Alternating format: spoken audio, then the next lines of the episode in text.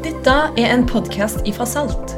Vårt ønske er å gi deg ord av inspirasjon, trøst og oppmuntring. I denne spesielle perioden anbefaler vi deg å følge oss på sosiale medier eller på salt.co. Der vil du kunne delta på online gudstjenester og andre samlinger. Du er hjertelig velkommen. Tusen takk, Mari, for eh, den flotte åpningen av eh, gudstjenesten vår her i dag. Nå er det slik at Denne formiddagen så skulle vi hatt hele fem barnevelsignelser her. eh, Og huset skulle vært fullt av folk, men sånn ble det ikke. Eh, Det å være pastor i en tid som denne er ikke bare enkelt. Så jeg håper at eh, alle i menigheten vil hjelpe til å være pastorer for og med hverandre så viktig i denne perioden nå at vi ringer til hverandre, at vi tar oss av de folkene som vi vet er i sårbare grupper, og at vi eh, demmer opp for eh, ensomhet og den type ting i kirken vår. Så la oss felles være kirke sammen i denne perioden. Den måneden som ligger bak nå, så har vi hatt denne serien eh, 'Jeg vet hvem jeg tror på'. Det har vært et ønske fra mange i kirken vår at vi skal snakke om dette med trosforsvar og apologitikk. og Det har vi gjort nå i en måned, og så avslutter vi serien i dag. Vi avslutter ikke temarekken. Vi kommer til å komme ofte tilbake til dette i tiden framover på ulike måter. Men i dag så avslutter vi serien, og jeg har med meg en interessant gjest. En god venn etter hvert. Pastor i Østre frikirke, Østsida frikirke i Kristiansand. Rune Tobiassen, hjertelig velkommen. Tusen takk. Du er jo engasjert i dette med trosforsvar. Vil du fortelle litt hvorfor? Ja, altså, for det første så har jeg vært rundt og blitt grilla som kristen på universitet og høyskoler. Jeg har vært med på å skrive en bok som heter 'Grill en kristen'. Et av de svarene der har jeg gitt. Og så har jeg vært med på å lage en podkast, 'Pastoren og psykologen'. Og så brukte jeg ett år av mitt liv til å se nærmere på Human-Etisk Forbund sitt livssyn og sammenligne det med kristen tro. Ja. Så Det brukte jeg et år av masteroppgaven min, altså jeg brukte tida der for å se på det. Og det handler litt om at jeg har lyst til å vise at man kan tro med hode, hjerte, magen, hender og føtter. Altså vi kan tro med hele oss. Eh, og det er kanskje det vet ikke, Kanskje engasjementet kommer litt på det at jeg føler av og til at vi kan være litt redd for tvil. Og jeg er ikke redd for tvil. Eh, for jeg tror at tvil kommer som en naturlig ting. Altså, hvis du er sammen med mennesker som ikke tror, ja. så vil tvilen komme. Jeg tenker at Tvil er beslektet med tve, to. Som betyr at du har to tanker i hodet på en gang. Og Hvis da jeg tror at Jesus lever, så kommer noen og sier Jesus lever ikke, så tenker jeg at det er to tanker i hodet på en gang. Altså tvil. Ja. Men så er poenget hva, hva du gjør med den tvilen. Da er det sånn at Han ligger og lurer rundt hjørnet, så er du redd for det. Så får han faktisk mer makt enn å ta den fram i lyset, undersøke det, og så kan vi få lov til å se at det kanskje forsvinner. Og, og, ja. Så Derfor har jeg litt lyst til at det, jeg synes det er veldig bra at dere i Salt har satt fokus på trosforsvar. Gir rom for de vanskelige spørsmålene. Eh, selv om ikke vi alltid har så veldig gode svar. Men vi har de beste grunnene til å tro. Så det, det er min sånn engasjement i forhold til dette. Jeg har så lyst til å eh, rett og slett la folk få se at det er overveldende gode grunner til å tro. Det er jo dette vi kjenner på i pastorsarbeidet. Vi har folk som eh, har eh, ulike bakgrunner både i utdannelse og yrkesliv og den type ting. Og vi lever i et veldig åpent livssynssamfunn. Så det å tørre å stille de tøffe spørsmålene også i kirken, det, det, er viktig at vi gjør. Ja, og så er Det ikke alltid bare, det er ikke bare vi som på en måte skal forsvare troa vår. Det er også viktig å kunne stille spørsmål tilbake igjen. Ja. Jeg opplever at mange adopterer innvendinger mot kristen tro men så har de ikke egentlig reflektert så mye i forhold til, i forhold til sitt eget ståsted. Eh, ja, men jeg er ateist, så jeg har ikke noe ståsted. Jo, du har et ståsted. Ja. Fortell hvordan du ser på verden og menneske, moral og mening. Så skal jeg si heller hvilket livssyn du er innenfor. Og Da må vi kunne våge å stille spørsmål tilbake igjen. Og så ser man det at eh, hvordan vårt livssyn henger sammen, det er mer velbegrunna enn de andre livssynene. Og Det var min sånn erfaring også i møte med Human-Etisk Forbund sitt livssyn da, i masteroppgaven. Ja, riktig. Mm. Når du sier grilling kristen, da har du vært rundt og vært i masse debatter og sånn. Blir det dårlig stemning noen ganger? Vet du noe, Jeg syns det er kjempefint å være i debatter, eh, og har gjort det med en del eh, sekulærhumanister. Ja. Eh, men samtidig så liker jeg veldig godt det å stå på en scene og kunne få spørsmålene på direkten. Og da er ikke poenget at jeg tror at det er noe orakel som kan svare på alt. Men jeg har lyst til å gi mine ærlige svar i møte med spørsmålene. Og Det betyr at eh, hvis det kommer et spørsmål som vi ikke kan svare på, så sier jeg det. Ja. Og så bare det er ikke sånn Oi, oi der rakna troa. Nei, der forsvant han. Ja ja, vi snakkes i artistforumet til mandag, liksom. Poenget er bare at man våger å ta inn de spørsmålene og ikke være redd for det. Ja. Men for vi har de beste grunner. Og hvis det er så, jeg pleier å si det litt sånn Hvis noen kommer med en innvending mot kristen tro som får meg til å forlate troa, så vil jo jeg være takknemlig, så at jeg ikke kaster bort resten av livet på noe som ikke er sant. Ja. Så sannhet er kjempeviktig i dette. Men som pastor må jeg si dette, at jeg håper ikke det skjer eh, her i dag, eh, Rune. Nå er det jo slik at Vi hadde planlagt et dagsprogram for deg. her. Du skulle forkynne for oss her på gudstjenesten i formiddag, og så være med oss to ganger i kveld med sånne åpne spørsmål og svar. Eh, Spørsmål og svar, det eh, Svarene skal du få lov til å komme med, men spørsmålet kom inn også eh, på forhånd, så jeg tror vi går løs på de. Jeg. Ja, kjør på. Eh, hvordan kan vi tro på en gud når det er så mye vondt i verden? Det er et av de spørsmålene som kanskje jeg møter oftest som er innvending mot kristen tro.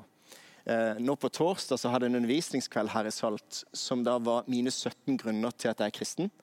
Og en av de grunnene jeg skal røpe det da, det er det ondes problem. Ja. Oi, eh, En grunn som egentlig skal være mot kristen tro, og så vender jeg det til å bli en grunn for kristen tro.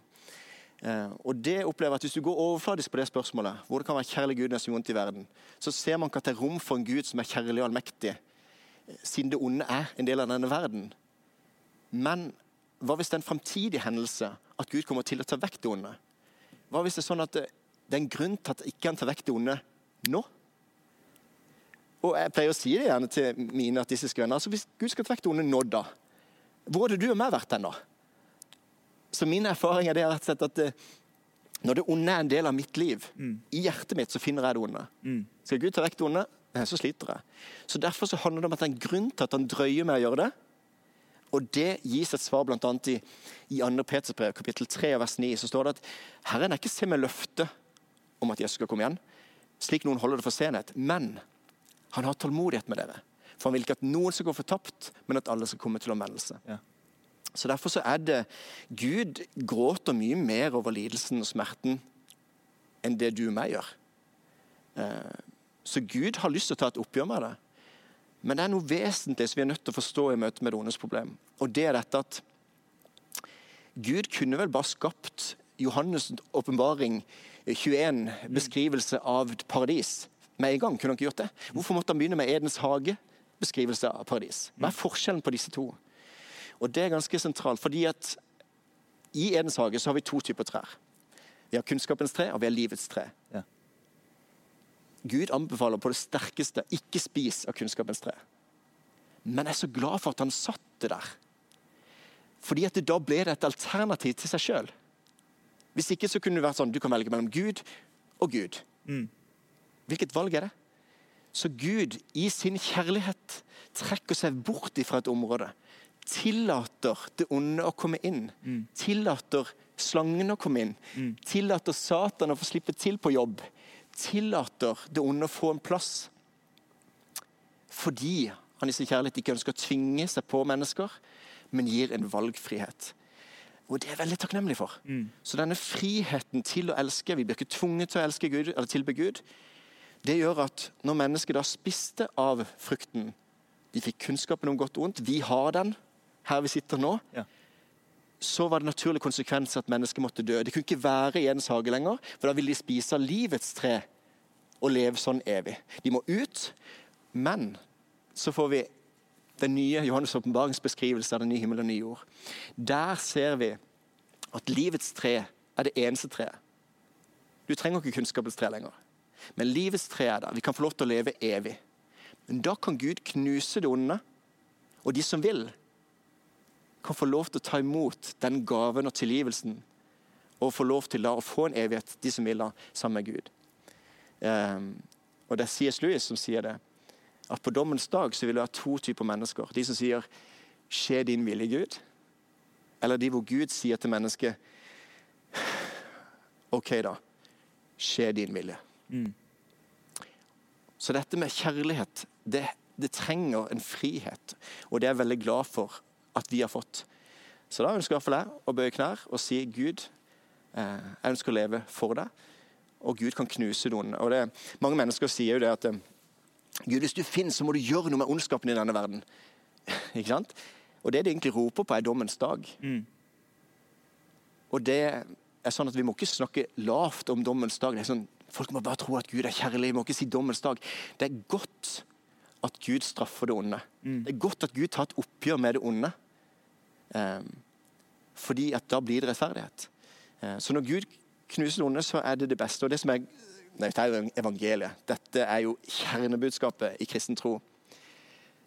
Det handler jo om at Gud knuser det onde, men fordi at han elsker oss så høyt Mm. at han ga den eneste sønnen for at hver den som tror på han ikke skal gå fortapt med en evig liv.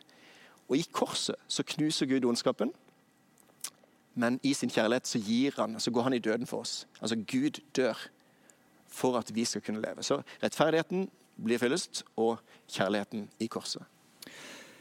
Den ondskapen som du snakker om, du sier at det er noe av det det, det er inni oss menneskene, da. Dette med syndefallet og, og, og disse tingene. Og at Gud har en, en historie gjennom hele bibelfortellingen som, som bringer oss et håp i, i vente. Men det er en annen som spør her, hvordan kan vi forklare at Gud tillater naturlig ondskap i verden? Altså det med naturkatastrofer og, og jordskjelv og, så, sånne ting som det. Nei, altså, hvor mye av det som er, kan forklares ut ifra menneskets synd? Ikke sant? Bare det som skjer nå i klimaet osv. kan være forårsaka av menneskets synd. Eller vi kan se, eller at eh, siden vi har frihet, så kan en person sette seg bak rattet, eh, drikke seg full, kjøre på veien, og det kan få konsekvenser for et menneske som går ut av sin frivillige ut i veien og blir påkjørt. Så det vil få konsekvenser. Men så er det et spørsmål som er veldig viktig. Hva med det naturlige da, som skjer? Jordskjelv. Eh, John Polkinghorn, eh, som er en kristen fysiker, som, han har sagt at for eksempel disse kontinentalplatene som er i bevegelse, de er viktige for liv. Men konsekvensene det er det negative, det er at det blir jordskjelv ut av det. Så kanskje vi må se det at det er sånn at det vil være balansegangen mellom, mellom eh, At dette rører seg. Men jeg har lyst til å si det at eh, når jobb på en måte eh, Eller Satan får spørsmål, eller spør Gud Det eneste grunnen til at jobb tilbyr deg, er jo fordi at du har velsigna meg så mye. Mm. Og så sier Gud nei, det er ikke tilfellet. Jo, men la meg få lov til å så prøve deg på det. ikke sant? Og så tillater Gud Satan å slippe til. Og det er et viktig moment her, at Gud har tillatt Satan å slippe til her i denne verden. Og det betyr at hele verden ligger i det onde, som det står i 1. Johannes 5. Eh, Djevelen går rundt som en brølende løve for å se hvem man kan sluke. Altså, så det er på en måte, Denne verdens fyrste er på en måte det onde. Det vil si at det onde vil ramme Ja. oss. Og så er poenget da eh, Er villig til å bøye knær for Gud til tross for, sånn som Jobb gjorde, eh, til tross for all lidelsen som rammer meg. Og så erfarer Jobb da at, eh, at han får enda mer velsignelser når han holder fast på Gud, i stedet for å høre på vennene sine som sier at det er grunnen til at du opplever dette, er fordi du har gjort noe galt. På en måte Det er ikke rett i forhold til Gud. Nei, det onde rammer blindt. Det onde er en størrelse i seg sjøl, en aktiv virksomhet som ikke er på en måte en sånn like sterk som Gud, men som Gud har tillatt skal komme inn som et alternativ til seg sjøl. Så ja. Nå eh, er jo en god del av, av svarene dine så langt, eh, Rune, eh, ut ifra det kristne verdensbildet og, og, og troen på Bibelen som en, en forklaring på, på Gud og på universets eksistens og sånn. Mm. Neste spørsmål her er hvordan eh, er den biologiske kompleksiteten et bevis for Guds eksistens? Vil du snakke litt om hvordan kan vi vite at Gud fins? Det er veldig spennende. Jeg hørte litt av den podkasten som dere har hatt i forhold til dette, med, med Daniel Fasodalien som hadde det. og Kjempespennende, så hør på den. Men jeg tenker nå sånn kort, når det gjelder kompleksiteten, på en måte, så, så var det litt gøy i en debatt mellom Lars Gule og Stefan Gustafsson eh, i Kristiansand. Så var det et veldig godt spørsmål. fortell hvem de er til eh, Ja, Stefan Gustafsson er en av Nordens beste trosforsvarere, syns jeg. Han er et forbilde for meg og gjør det på en veldig god måte. Eh, Lars Gule var tidligere leder av Humanitisk Forbund. Forbund. De var sammen på en debatt i Kristiansand. Så var det et veldig gøy spørsmål fra salen. da. Og det var hva er det beste argumentet de kristne har? Bestilt til da Lars Gule. Eh, hvor han da sier at Nei, han må nok si, han må nok si at det er fininnstillingsargumentet det antropiske prinsippet, at alt er så finjustert inn på at mennesket kan leve her. Ikke sant? Så det er litt gøy å høre at det er kanskje et av de beste argumentene som folk ser utenfra. At alt, alle de konstantene på en måte som finnes, det er så fininnstilt at det bare er Jeg kan hoppe og ikke fyke ut i verdensrommet, mm. men samtidig så, så, er det ikke så mye tyngdekraft at jeg ikke kan løfte beina eller bevege meg. Ja. Så på en måte det er så finestilt for liv. Og de konstantene der de kunne gjerne brukt noe tall på, nå har de ikke akkurat nå, men det er helt, helt usannsynlig at ting skulle bli som en tilfeldighet. Det ateistiske svaret det er en multivers tankegang. At hvis du har en evighet med univers, så vil det til slutt bli et univers som er så fininnstilt at vi kan leve i det. Mm. Men egentlig så forskyver du bare problemet. altså Hvorfor er det da multivers? Hvorfor er det på en måte mange univers? Hvorfor er noe til istedenfor å ikke være til? Så, så det svarer ikke på spørsmålet. Så Derfor må vi se at det finnes gode argumenter for tro, men vi må konsentrere oss om å si det at vi kan ikke bevise at Gud fins, men vi kan heller ikke bevise at Gud ikke fins. Og Derfor så må vi bruke gode argumenter for at den ene er mer sannsynlig enn den andre. Det åpner jo opp muligheten for tro. Gjør det. Ja. Og for meg jeg har ikke nok tro til ikke tro. Nei. Altså, det er faktisk tittelen på en bok. Ja. I don't have enough faith to be an atheist. Ja. Så det er et eller annet der med at Vi kan ikke bare si at det er vi som skal forsvare troa, men vi må også kunne utfordre det at de andre tror at alt er blitt til, eller en ateist tror at alt er blitt til av ingenting. Mm. Og det liksom, For meg så krever det større tro da, enn å tro at, alt, at, det står noe bak som vi kaller for Gud. Vi som tror, eh, har jo alltid levd i dialog med den samtiden vi lever i.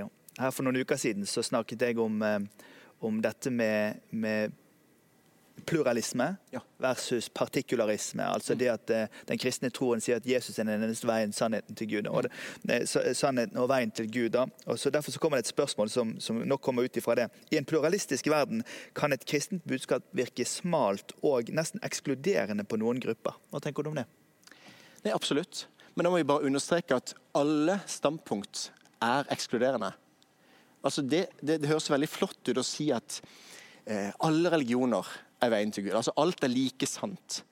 Og Hvis du kjører på en relativisme og er veldig tydelig på det, at alle har like rett, så er jo det også et ekskluderende standpunkt, hvor du da indirekte sier at ett har feil. Mm. Så da hever du det over meg som en relativist og sier at ett har feil, du må forstå det på min måte. Eller hvor noen sier at du, du har ikke lov til å si at noe ikke er lov. Altså, Det er på en måte selvmotsigende. Du kan du kan ikke på en måte eh, komme utenom det. At det å hevde at alt er like sant, det er et like ekskluderende standpunkt. Så når vi da er underveis alle sammen, det tror jeg er litt viktig å si, sånn at jeg ikke er banker Bibelen i hodet på noen, eh, så er det viktig å si det at, eh, at jeg må ha respekt og toleranse for de som er uenige med meg. Og Når jeg da lever i et samfunn hvor mennesker ikke tror på Gud, og mennesker tror på forskjellige ting, så er det kjempeviktig med respekt og toleranse. Og Da kan jeg være dypt uenig med deg men jeg vil dø for at du skal kunne mene det du mener. Mm. Det er Voltaire sin beskrivelse av hva toleranse er. Men eh, sånn som det er i dag, så er det faktisk toleranse blitt sånn at det er lik relativisme. At du kan ikke komme og si at Jesus er den eneste veien til Gud. For da, da er du intolerant overfor meg. Og den, den, den, må vi arrestere. Det er ikke den riktige bruken av toleranse.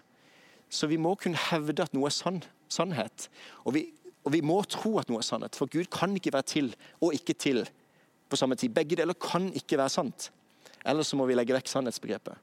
Så vi må være frimodige på det, men ha toleranse og respekt for de som er annerledestenkende. Veldig bra, Rune. Det neste spørsmålet her eh, det kommer nok fra en, en, troende som strever litt med om Gud eh, stiller opp. Eh, hva sier man til noen som har gått gjennom vanskelige perioder, men som har bedt Gud om hjelp, men opplever eh, at det er som han ikke bryr seg, og ikke hjelper? Ja, og her, her, kan det ligge en del smerte bak. Både den som stiller spørsmål, eller på en måte Så det er viktig å på en måte ta på alvor det.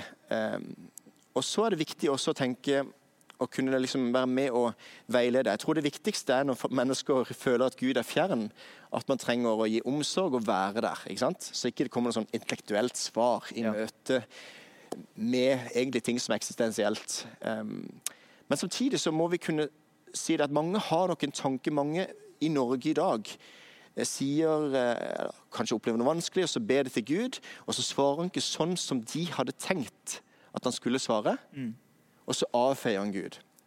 Jeg husker enda det, når jeg for 20 år siden nesten var her i Bergen og snakka med en bergenser, så sa det at han hadde lest Bibelen fra perm til perm. Så han hadde sagt det. Gud, hvis du fins, må du vise det for meg nå. Det skjedde ikke noe. Så han lukker boka og sier Gud fins ikke. Mm. Ok, Hvem er det som egentlig er Gud her? Hvem er det som skal diktere hvem, hvordan Gud skal oppføre seg? Så på en måte spørsmålet er litt at det, Hva hvis Gud har valgt det en måte? Hva hvis Gud på en måte har um, sånn at Hvis jeg da leter etter at Gud skal gjøre det på min måte, eller jeg tenker at Gud skal gjøre sånn og sånn, da skal jeg begynne å tro. Eller hvis han virkelig bryr seg om meg, så må han gjøre sånn og sånn og sånn. Og hvis ikke han gjør sånn og sånn og sånn, så tenker vi at Gud ikke er nær. Det er litt sånn fint med den der historien om, om, fotsporene i sanden. Mm. Eh, den er brukt opp og ned i mente i kristne sammenhenger. Men det handler jo egentlig litt om et perspektiv som er veldig fint, som, hvor det er to par fotspor i sanden. Hvor Gud da viser på en måte dette bildet av at Gud, hvor var du hen når jeg hadde det så vanskeligst? Det er to par fotspor i sanden, men når jeg hadde det vanskeligst, så er det bare ett par. Hvor var du hen da, Gud? Og så er dette svaret, da. altså, Det var den tida hvor jeg bar deg i armene mine. Mm. Men kanskje ikke følelsen var der. Men det at man på en måte har en Gud som lider med. Det fineste verset i Bibelen, det korteste også, i Johannes 11, så står det om at Jesus gråt. Mm. Jeg er så glad for det. Fordi at Jesus gråter med oss. Han har ikke sagt at han skal ta vekk alt det onde enda, men han gråter med oss. Og han sier, 'Se, jeg er med dere alle dager inntil verdens ende'. Så Gud går sammen med oss. Og smerten kan føre oss nærmere Gud, eller smerten kan føre oss bort fra Gud. Men da er det egentlig opp til oss hvordan vi forholder oss til det. Det å, det å, det å, å tro det budskapet og kjempe med troen sin, med tro og tvil, to tanker i hodet, som du nevnte innledningsvis, gjennom et liv, det er én side av det. Og så er det han bergenseren da, mm. som mm. leser Bibelen og sier Gud fins ikke. Eh, det er et spørsmål som har kommet inn her. Eh, mange påstår at eh, kristne er det ifølge av pga. miljø og påvirkning, og i liten grad pga. gjennomtenkte refleksjoner. Hva tenker du om det? Hvorfor blir folk kristne? Jeg tenker at ja. Altså, det kan godt være at jeg er blitt hjernevaska til å tro. Men det kan godt være at du som ateist også blitt hjernevaska til å være artist. Altså Denne nøytrale påvirkninga er ikke mulig. Så det betyr egentlig her at, eh, at noen har sagt det at jeg vil ikke sende barna mine i kirka, for da blir de påvirka. De skal få lov til å bestemme sjøl. Mm. Ja, men vær klar over at det er også en artistisk påvirkning. Så Poenget er bare at man, man blir påvirka, og man kan bruke psykologiske grunner til at jeg tror. Rune, du tør ikke face det at livet bare er over når du dør. Så Derfor trenger du en krykke, noe som på en måte er eh, en trøst for deg. Ja, det kan godt være. Nå bruker du psykologiske grunner til at jeg tror. Men det kan godt være at du av frykt ikke vil tro. Mm. Det kan godt være at du ikke vil på en måte legge ned ditt eget liv for noe større. At det er grunnen til at du ikke vil tro. Så vi legger vekk de psykologiske grunnene. Og så ser vi heller på at her er det gode grunner for å tro. Også når jeg opplever det som sant, så blir det en enorm trøst. Men hvis ikke det har vært sant, så har det heller ikke vært noe trøst. Så jeg er veldig glad for håpet og trøsten og det at det er noe fint som hører med seg. Men, men, det henger sammen med at jeg tror det er sant. da. Ja. Rune, vi må gå til avslutning her. Tanken vår for denne serien som vi har hatt i en måneds tid pluss her nå, har vært at eh, på søndagene så tar vi tak i noen sånne hovedspørsmål. Hvorfor måtte Jesus dø? Eh, Jesus eneste veien til Gud? Fins Gud? Det kristne verdensbildet, og nå spørsmålene med deg i dag. Og så hadde vi en kurskveld her eh, på torsdag, som nå ligger tilgjengelig digitalt for de som følger med her. Der nevnte du noen av de 17 årsakene til at du tror på Gud. Helt avslutningsvis, vil du si noen av de? Ja, har vi en time i, i avslutningen? Bare noen få minutter. Ja. Nei, Jeg hadde egentlig bare lyst til å um, trekke fram ja, Jeg vet ikke hvor mange jeg skal trekke fram, men jeg har lyst til bare liksom Poenget med den undervisninga den går an å se, kanskje. Kanskje den ligger ute på Salt. Ja, den ligger ute.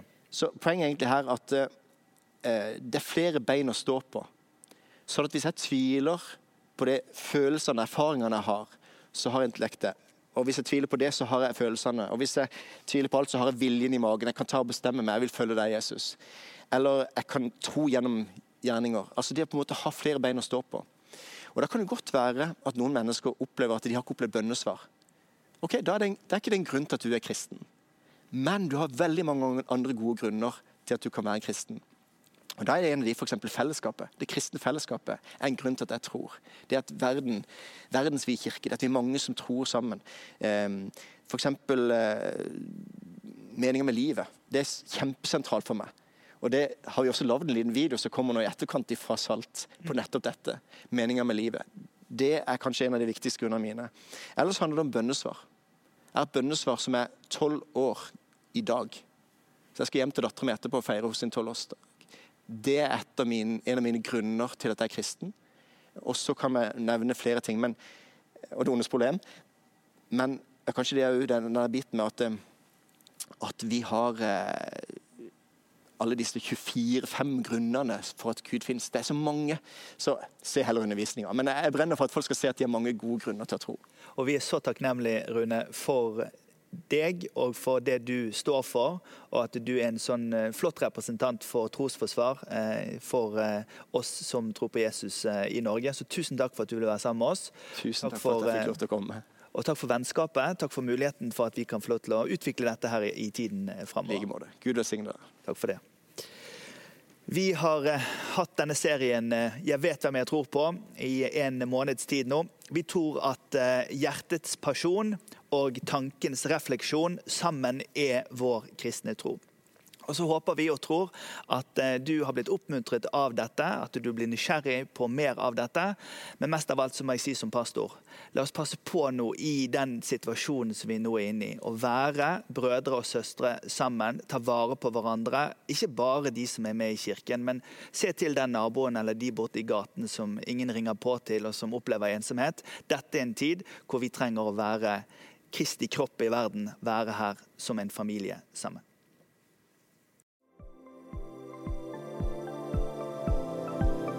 Takk for at du hørte på. Velkommen tilbake til neste podkast og til alt som skjer online framover.